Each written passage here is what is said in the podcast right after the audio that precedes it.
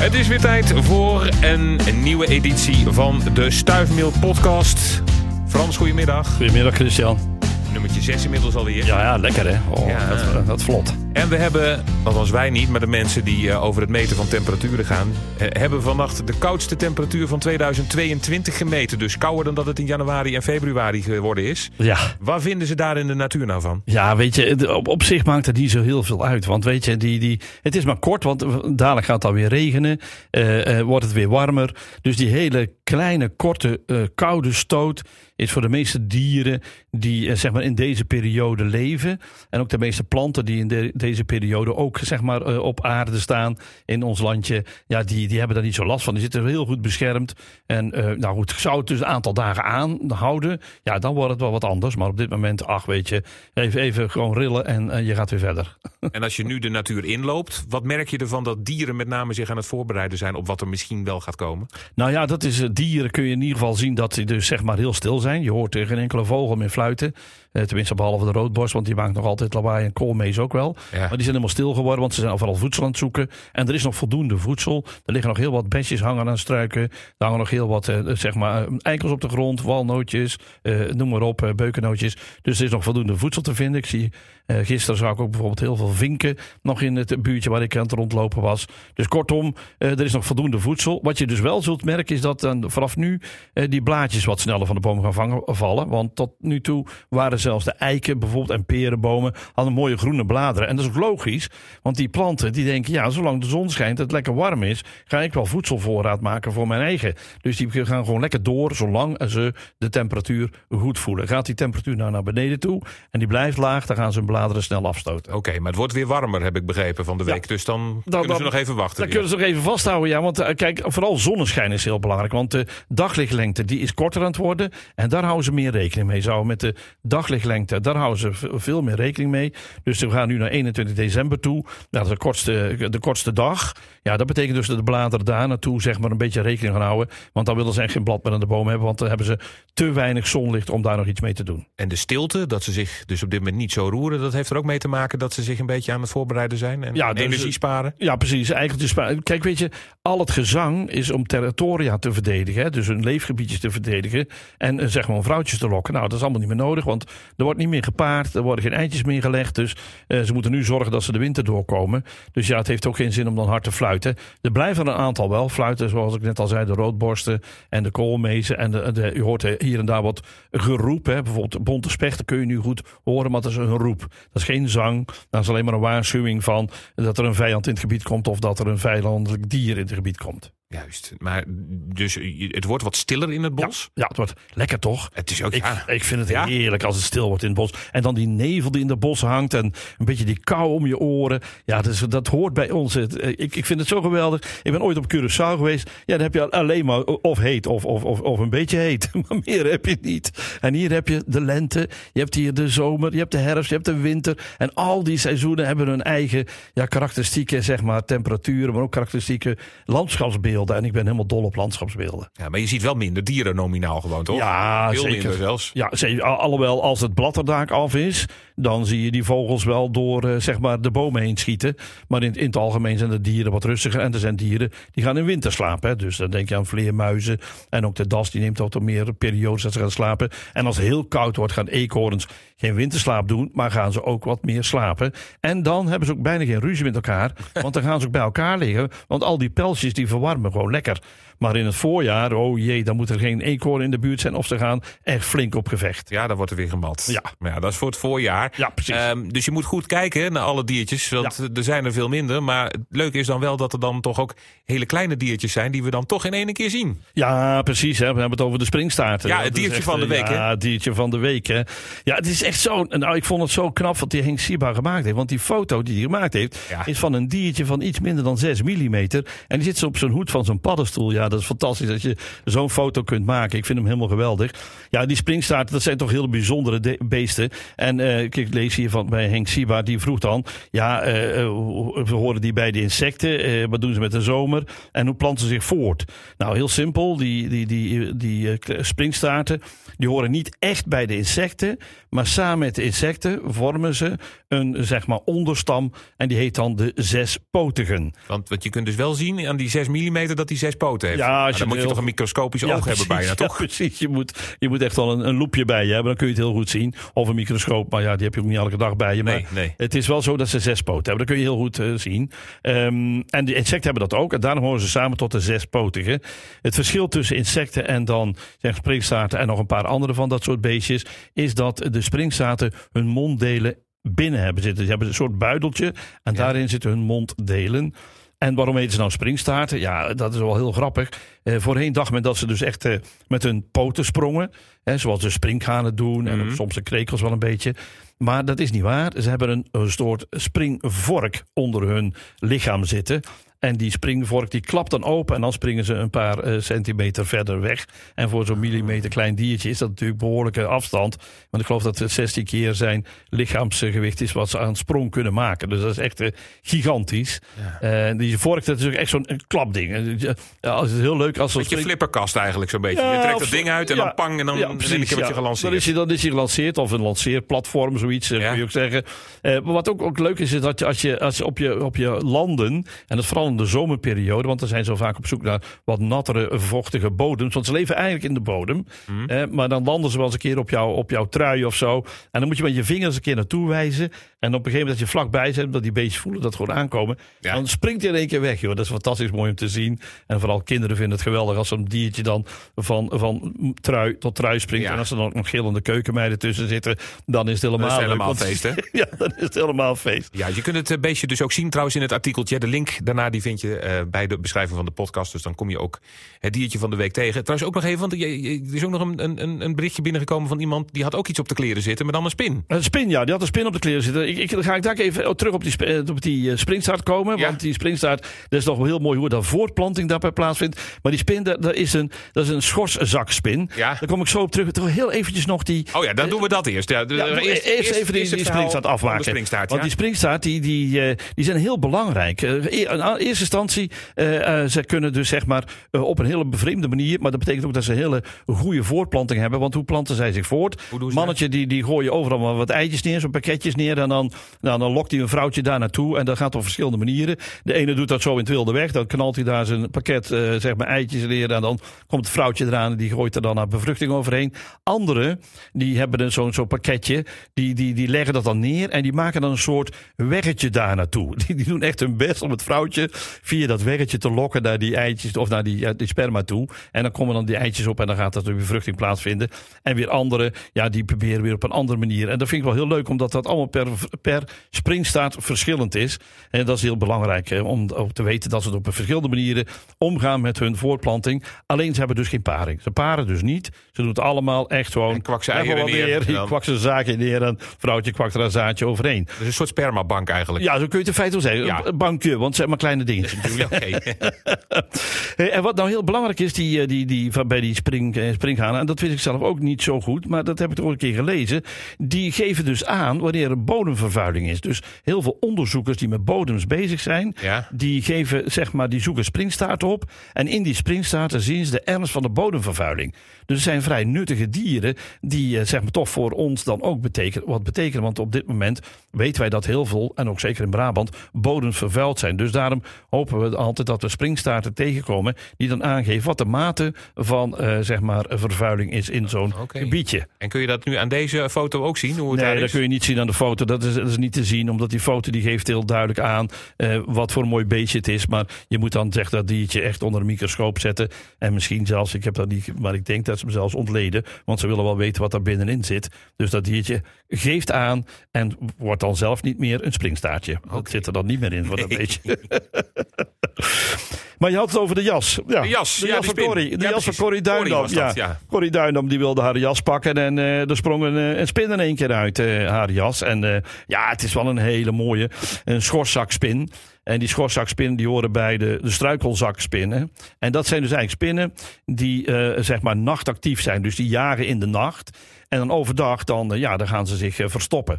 Hoe zien ze eruit? Ze zijn een beetje ja, wat lichtig bruin. En op het einde van het achterlijf zit wat grijzige spul. Hmm. Kleurtjes soms. En soms zie je ook wat haartjes zitten. Net zoals bij een muisje.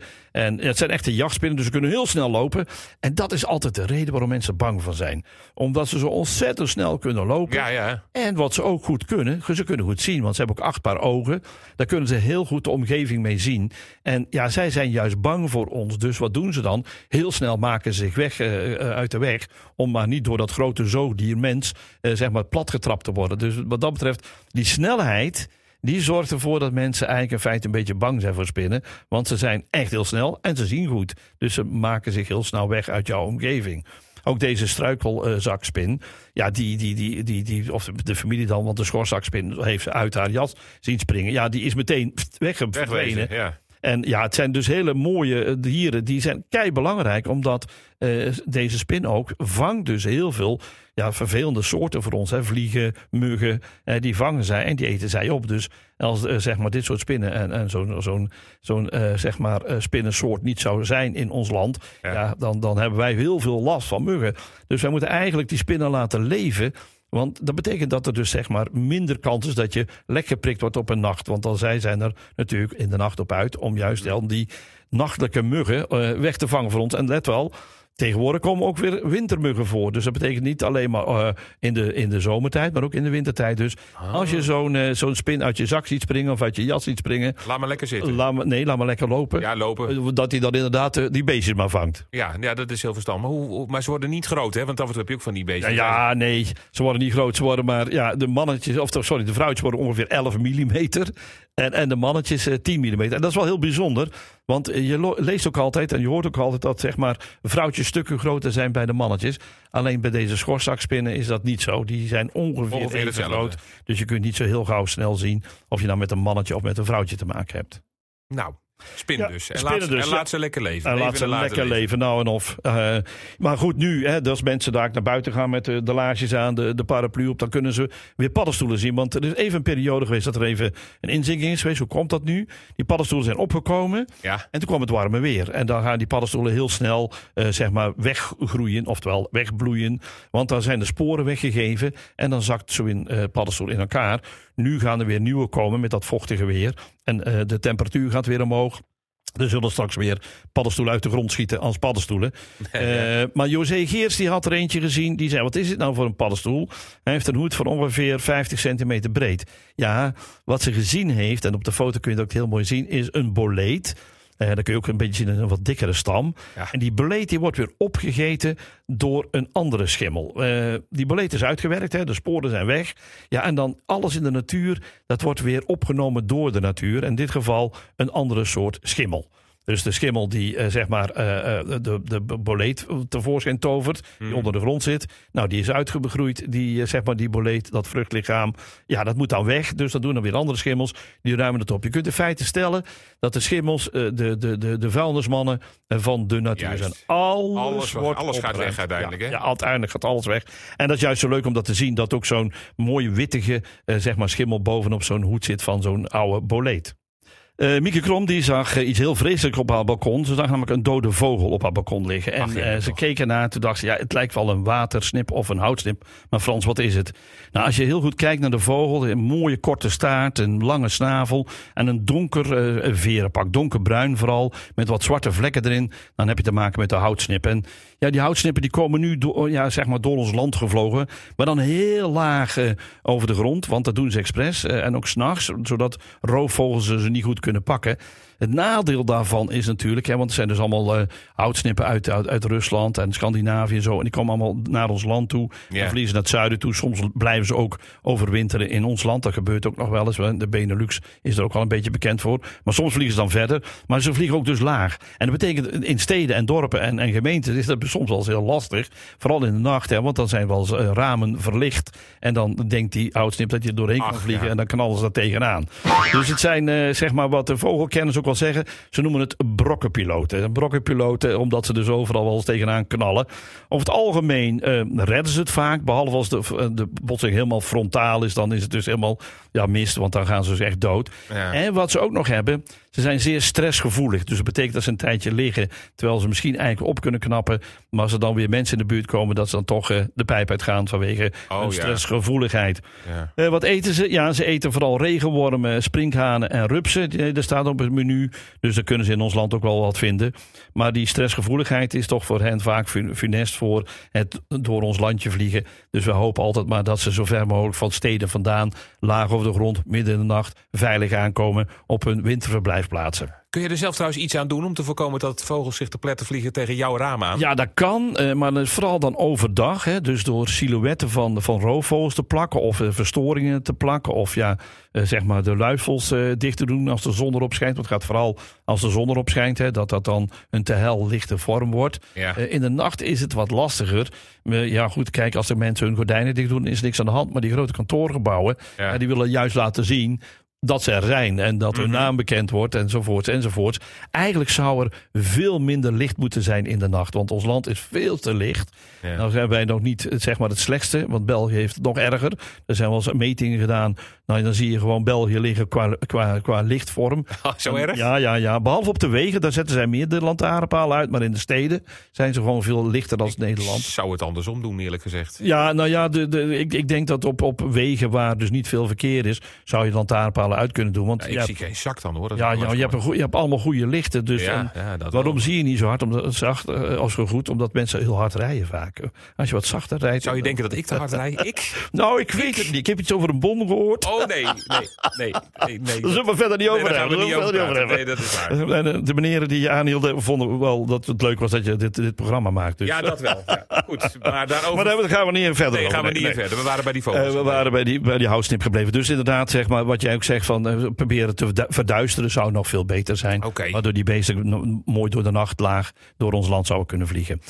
Uh, dan zag uh, Yvonne uh, van Es, die, eigenlijk niet Yvonne, maar de kleinzoon van Yvonne, die had een, uh, zeg maar een, een, een dier gezien wat, wat zij dacht dat een kikker was. Ja. Nou, ik moet je eerlijk zeggen, toen ik naar het beestje keek, ik schrok ervan, want hij zag er heel mager uit. En nou, het was echt zoals een Brabant zouden zeggen, een lelijk bist. En als je op de, de foto kijkt, dan zie je ook wat ik bedoel. Um, maar dat een kikker was, had ik wel, ja, ik denk nee, het kan niet een kikker zijn. Want kikkers hebben, en dat kun je goed zien aan zijn achterpoten, die hebben van die kikkerbillen, oftewel stevig poten waar ze mee kunnen springen. En als je op deze foto kijkt bij dit beestje, dan zie je wat smallere poten. Dus het kan geen kikker zijn. Daarbij zie je op het lichaam ook wat vratten zitten. Dus het moet wel een, een, een pad zijn. Maar ja, ik wist het ook niet zeker. Dus ik heb Ravon uh, gevraagd van... joh, kun je me even helpen hiermee? Ravon, dat staat voor Kennisorganisatie voor Reptielen, Amfibieën en Vissen. En die gaven me het antwoord terug. En die zei, het is inderdaad een, een, een, een pad... Uh, een vermagerde pad, een bufo-bufo zoals die in het wetenschappelijk heet. En die vermagering, ja, dat kan door van alles ontstaan zijn. Door parasieten, bacteriën, virussen, uh, functioneren van het immuunsysteem wat heel slecht is. Uh, stoffen die in eten zijn terechtgekomen. Of een combinatie van alles wat ik nu genoemd heb. Dat heeft er misschien voor gezorgd dat dit beestje zeg maar deze vorm heeft gekregen. Dus echt een ziekelijk dier. Uh, ze vroeg ook aan mij van, goh, weten jullie waar dat beestje zeg maar gevonden is. Want dat vinden ze altijd belangrijk, dan zetten ze het op de databank. Nou, die was op 31 augustus bij het Staalbergven in Oostwijk gevonden. En dat is voor mij een tip om toch eens vaker in dat gebied te gaan kijken. Om te zien of daar nog meer van dit soort hmm. diertjes leven. En vooral een te meer omdat, ja, kijk, wereldwijd gaat het echt drastisch eh, achteruit met de hele amfibieënwereld. En dat heeft ermee te maken dat er grote virussen aanvallen zijn en andere infectieziektes. Dus mensen worden sowieso al gewaarschuwd voor. Let op dat je zeg maar niet te veel. Bijvoorbeeld eh, als je wateronderzoek gaat doen.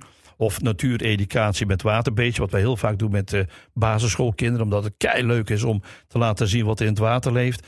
Dan moet je bij één plas blijven. En voorheen gingen we dan van de ene plas naar de andere plas toe. Of van het ene ven naar een sloot toe. Om het verschil te laten zien wat er in die watertjes leefde. Maar dat doen we niet meer. Omdat uh, dan, als er dan daar een virusziekte in zou zitten. Zou je overbrengen van de een naar de ander. Dus dat gebeurt niet meer. Dus in die zin is het wel belangrijk om, als je dit soort beestjes ziet, dus ook aan de uh, luisteraars een oproep, zie je ook dit soort uh, ja, misvormde padden. Ja. Meld het bij mij en dan zal ik het wel doorgeven aan Ravon. Oké. Dan hebben we dus zeg maar uh, wat onze vriend in... Um, Corrie heeft gezien. Oh, die hebben we al gehad. Dus hebben we al Ja, die hebben we al gehad. Ja, al gehad, ja. Nou, dan gaan we nu naar, eh, zeg maar naar ehm, het mooie verhaal van de tuin vol eh, amfibieën. Oftewel, ik heb eh, een, een filmpje geplaatst. Ja. Want het is nu, de mensen gaan nu allemaal naar hun tuin toe. En die gaan ze winter klaarmaken. Zeggen, dat moet je eigenlijk niet doen. Je moet er eigenlijk vanaf blijven. Of je moet doen wat eh, zeg maar Edo van Uggel heeft gedaan. Die heeft een mooi filmpje gemaakt. Hoe dat je bijvoorbeeld in jouw tuin meer amfibieën kunt krijgen. En het verhaal van net dat het slecht gaat met amfibieën. Sluit hier mooi op aan. Ja, dat sluit hier mooi op aan. Ja. Dus kijk maar het filmpje en doe ideeën op. Dan zag eh, Frank Bennett, Bentink, sorry, Frank Bentink. Frank Bentink, ja. Die zag eh, bij Neeltje Jans zag je een enorme ring rondom de zon hangen. En hij vroeg zich af, ja, wat is dat dan? Nou, dat is een halo. Zo Een heet dat. halo. Een halo heet dat zo. Volgens mij is die ooit bezongen. Eh, ja, Ja, Everywhere I'm looking now, I'm surrounded by your embrace. Baby, I can see your halo. Beyoncé, Halo dus. Halo, halo. Halo. De halo, de halo. Ja, en Maar waar zingt ze nu dus over? Dat ga jij nu dus Ja, vertellen. precies. Dat is een, dat is een, verschijnsel. En, en dat kan een ring zijn. Ja. Er kunnen lichtvlekken zijn. Er kunnen ook lijntjes zijn. En in wit, maar ze kunnen ook een beetje gekleurd zijn. En die vooral rond de zon en de maan hangen. En dat gebeurt door eh, ijsbrokjes of ijsstukjes die in wolken zitten. En dat zijn dan cirruswolken. Zo heten die wolken. En daar, die zon die schijnt daar doorheen. En dan krijg je dus van die ringen. En dat is wel heel leuk om te zien hoe dat, dat eh, zeg maar verschillende keren gevormd is. Ik heb afgelopen tijd heb ik een halo gezien rond de volle maan. Dat was natuurlijk helemaal geweldig. Want ja, normaal zie je dan eh, niet de volle maan. Maar dan zat er een halo rond de volle maan. Ik heb die foto's naar jou toegestuurd. Dan moet je maar eens een keer kijken. En ik ben een keer in een soort halo gestapt met mijn schaduw. En die heeft dan een speciale naam. Die heet een, een glorie. En dat weet ik van Helga van Leur, want die weet alles van zeg maar, dat soort verschijnselen. Dus ik heb haar door geappt van, joh, wat was echt het? in de gloria. ik was dus. even in de gloria. Och, kijk nou toch. Maar dat is echt wel heel grappig om te zien. Maar dat zijn dus zeg maar die verschijnselen die gebeuren door die ijsstukjes die in die wolken zitten. En dan krijg je dus zeg maar die verbreking eigenlijk. En dan krijg je hele mooie ringen of lijnen of lichtvlekken. Dan Martin van Trof, ja, die eh, zegt: eh, Hallo boswachter, eh, ik heb waarschijnlijk in, in de buurt bij Halsteren eh, paddenstoelen. Nee, die had hij dan gezien, maar waarschijnlijk zijn het bruine ringboleten. Zou dat kunnen? Ja, ik denk het niet, Martin, want.